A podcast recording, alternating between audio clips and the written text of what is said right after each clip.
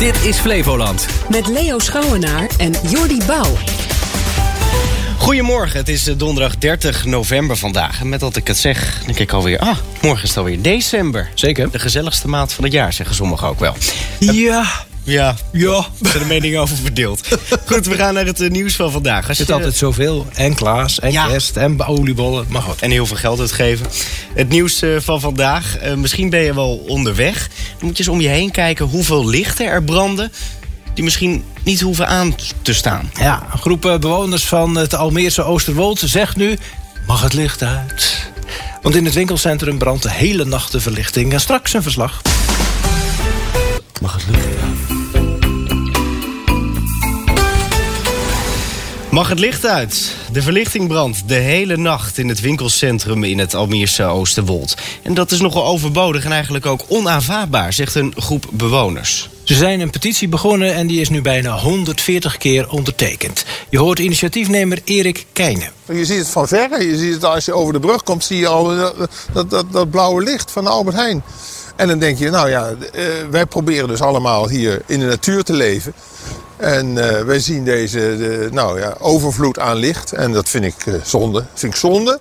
Ik vind het niet nodig. Het stoort. Het is, eh, ja, het is eh, in, de, in de nachtelijke omgeving hier is het een eh ja, storend element. Winkelcentrum Oosterwold bestaat uit twee supermarkten, een aantal winkels en een parkeerterrein. Bewoner Erik Keijnen ergert zich groen en geel aan de blauwe verlichting van de supermarkt en de felle verlichting van de lantaarnpalen op het parkeerterrein. Ik kan me niet voorstellen dat mensen die hier een, een, een bedrijf starten, dat die niet nadenken hierover. Dat snap ik niet. Dat ze gewoon de lichten aanlaten. In deze tijd, hoe is dat mogelijk? Want vanaf 10 uur denk je, nou zijn de winkels hier dicht en de auto's zijn nu weg en er is hier verder niemand. Maar dan staat het hele parkeerplaats staat vol met lampen en de, de, de Albert Heijn reclame en de, nou ja, nu is het rood, maar normaal is het blauw licht. Nou, het, het ziet er niet uit. Het ziet er gewoon niet uit. Volgens Keijnen horen duurzaamheid en zuinig omgaan met energie bij Oosterwold. Bovendien leeft de wijk met de natuur.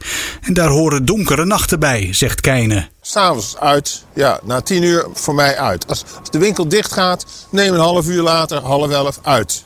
Ja, gewoon donker of gedimd. We hebben een straat bij ons voor de deur, de Emil Durkheimweg. En daar hebben ze lampen, die gaan om 11 uur op 30% Nou, dat is prachtig. Dat is prachtig gewoon. Eh, dan loop je daar wel rustig rond. En dan zie je gewoon nog wel iets waar je moet lopen. Maar het is prima. Het is helemaal, je loopt echt in het half donker. En dat wil je s'avonds. Erik Keijnen was dat. Binnenkort gaat hij de handtekeningen overhandigen aan de supermarkten en de gemeente.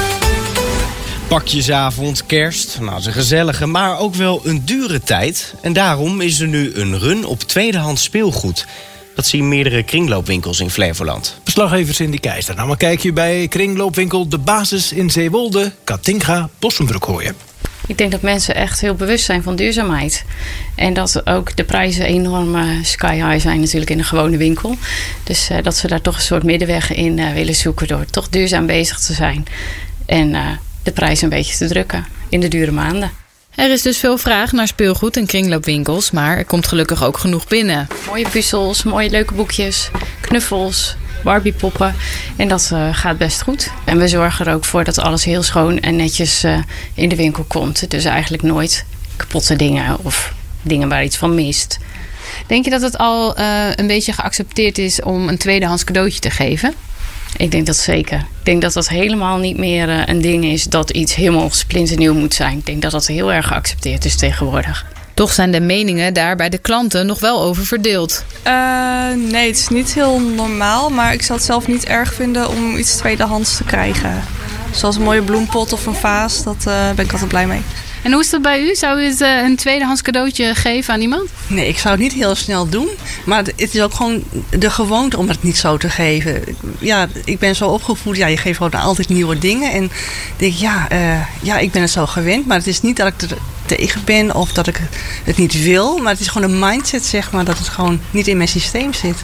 Ja, bij ons is dat eh, geen probleem. Natuurlijk wel voorwaarde dat het er goed uitziet, dat het heel is, dat het eh, functioneert. Als er eh, iets mechanisch of zo in zit.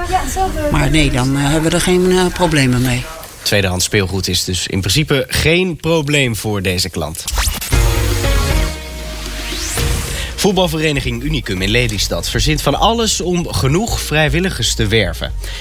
Er is bijvoorbeeld een promotievideo gemaakt, maar dat is niet alles. Spelers en ouders van jonge voetballers worden benaderd om vrijwilliger te worden. Dat lijkt heel wat, maar toch is dat nog niet genoeg. Technisch directeur Dirk-Jan Jannink kondigt daarom nog meer maatregelen aan. 3, 2, 1, let's go! Als je hier lid wil worden, dan moet je je digitaal aanmelden. Dus een digitaal inschrijfformulier. En een van de vragen op dat inschrijfformulier is van... Uh, hoe wilt u zich voor de vereniging ingezetten als ouder? Maar als een ouder dus aanvinkt van ik wil vrijwilligerswerk doen... dan stijgt hun kind wat hoger op de ranglijst, op de wachtlijst? Uh, nou, dat, daar komt het eigenlijk uh, wel een beetje op neer. Hè. Het is niet helemaal zo, want uh, we hebben ook, ja, we spelen met onze jeugd hoog. Dus we kijken ook naar of er talent zit en dat soort dingen wordt ook allemaal meegewogen. Een, een van die plannen is uh, ja, zeg maar de leden een borgsom te laten betalen uh, van x bedrag. En daar moet je dan drie activiteiten per jaar voor doen. Uh, dus achter de bar staan of in de keuken of de lijnen trekken of nou ja, vuil ruimen, whatever. en als je dat niet doet, dan ben je die borg kwijt. Dus, en dan kan de vereniging daarmee bijvoorbeeld de jeugdleden betalen om, nou ja, om in de keuken te staan. Ik zeg maar even wat. Wat doe je daar? Ik ben Christina Visser. En ik ben teamleider bij JO 13.3 bij Unicum in Leestad. En ik sta tevens op zaterdags uh, ook achter de bar. Als ik met de jongens het veld afkom, dan uh, sluit ik wel vaker aan achter de bar. Ja, en je bent hard nodig, hè? Wij zijn heel hard nodig. Ja, niet alleen achter de bar of als teamleider, maar ook scheidsrechters en uh, vlaggers hebben we nodig. Uh, voor alle teams die hier bij Unicum spelen. Zodat we kunnen spelen en uh, leuk kunnen voetballen hier. Ja, ik hoor al van het bestuur, er is een groot tekort aan vrijwilligers. Ja. Wat merk je er zelf van? Uh, wat we er zelf van merken is dat de kantine vaak gesloten is. dat we echt moeten leuren voor scheidsrechters en vlaggers. Om überhaupt het voetbalveld... leuren zeg je? Ja, leuren. Het is echt bij iedereen langs gaan om te kijken van... Goh, kan je vlaggen? Uh, kan je scheidsrechter zijn. Ja, ja, ja, ja. Ik ben Jelte, ik ben 12 jaar. Ik ben uh, jeugdscheids bij de onder 8, 9 en 10. Jij bent al vrijwilliger? Ja. 12 jaar? Ja. Hoe is dat zo gekomen? Nou, een vriend die uh, ook in het team zit, die is ook scheids. En het vond het ook leuk om te proberen. Merk je dat er een tekort is, dat er te weinig scheidsrechters zijn? Ja. Veel wedstrijden worden afgelast omdat er geen scheidsrechters zijn. Veel meer ouders moeten fluiten. Ja, want dat is ook een punt, hè? Want ouders worden ook gevraagd om bij te springen. Maar dat doen ze niet altijd, hè? Klopt. En dan of ze doen het wel en dan is het net niet dus goed de regels uh, weten. Ja, en dat zijn gewoon de nadelen van als je niet de regels goed weet. Jij kent ze wel? Ja. Maar wat vind je nou van ouders die de regels wel zouden kennen, maar gewoon geen zin hebben? Slecht. Gewoon help iets voor je kinderen. Dag mevrouw, ik zie u langs de kant staan. Even uw zoon aanmoedigen als ik het uh, zo zie. Zeker. Um, doet u vrijwilligerswerk bij de club? Nou, helaas doe ik geen vrijwilligerswerk bij deze club, maar wel bij de club van mijn andere kind. Maar mijn man staat hier wekelijks als teamleider uh, twee keer in de week te trainen en één keer in de week te begeleiden bij een wedstrijd. Ik vind het heel erg leuk om vrijwilliger te zijn voor de sportclub. En uh, nou, bij die andere club is het ook inderdaad wel echt heel erg goed geregeld. We hebben uh, echt een, een commissie waarin we dus gewoon de kantinediensten zo eerlijk mogelijk verdelen. Geen lange diensten, wel vaak diensten. Maar gewoon, ja, super gezellig. Je ziet heel veel andere mensen om je heen. Het, ik, ik ben al heel blij om vrijwilliger te mogen zijn. De berichten van buiten Flevoland. Een roerige avond in Utrecht bij de ledenbijeenkomst van de VVD. De meerderheid van de mensen daar roept Jesse Gus op om wel een kabinet met Wilders te onderzoeken. De stekker uit het kabinet trekken vanwege de migratie en dan vervolgens niet in een kabinet stappen waarmee je de migratie kunt regelen, dat is onbegrijpelijk. Maar Gus blijft voorlopig bij haar standpunt. De VVD is beter af in de Kamer. Amerikaanse politicus en diplomaat Henry Kissinger is overleden. Hij was in de jaren 70 minister van Buitenlandse Zaken voor president Nixon en daarna voor president Ford. Hij kreeg de Nobelprijs voor de Vrede voor zijn rol in de onderhandelingen over de oorlog in Vietnam. In 1973 kondigde Kissinger een vredesakkoord aan.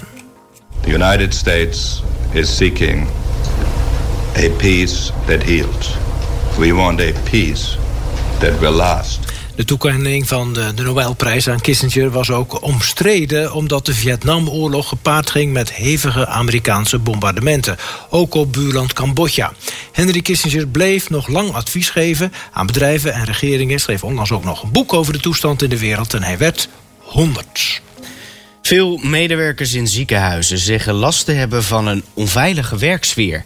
Uit onderzoek onder ruim 6000 artsen en geneeskundestudenten blijkt dat meer dan de helft te maken heeft gehad met pesterij, machtsmisbruik of seksuele intimidatie. Ook deze arts. Ik ging het weekend in, ik had de patiënt overgedragen aan de artsen die in het weekend zouden werken.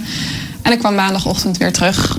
En ik doe de deur van de artsenkamer open en het eerste wat ik hoor is een van de artsen die tegen mij zegt: Ja, uh, je hebt niet goed voor je patiënt gezorgd, want hij gaat dood. Ja, uh, dat is precies wat er nu gebeurt. Ik sloeg dicht. Ook zegt ze dat ze de harde cultuur heel lastig vond om mee om te gaan. Een vijfde van de mensen die met grensoverschrijdend gedrag te maken kreeg, kreeg ook last van psychische problemen. Dan naar voetbal. Een spannende avond voor PSV in de Champions League. En die club, ze speelde tegen Sevilla, moet ik zeggen. En die club stond lange tijd voor. Maar 20 minuten voor het einde van de wedstrijd scoorde PSV. Nieuw voorzet van Dessel. Oh, oh, de goal van Saibari 2-1. Wat een weergaloze treffer van Ismail Saibari. Die mooie doelpunten kan maken. Dat weten we, maar dit is er een van ongekende schoonheid. De wedstrijd eindigde in 3-2 voor de Eindhovenaren. Maar om PSV door te laten gaan moest Arsenal ook winnen. De Engelsen stelden PSV niet teleur en versloegen Lens met maar liefst 6-0. Het is voor het eerst in zeven jaar dat PSV de achtste finale van de Champions League bereikt. Dat is dan ook weer genoteerd. En het waren ze, de berichten van Buiten Flevoland. Komende zaterdag ben je weer welkom in het Weekendcafé. Omroep Flevoland en Radio Lelystad zijn live te zien en te horen vanuit de Kroonpassage in Lelystad. Praat mee over actuele zaken in jouw gemeente of luister naar interessante, bijzondere en opmerkelijke Lelystedelingen. Het Weekendcafé, elke zaterdagochtend tussen 10 en 12.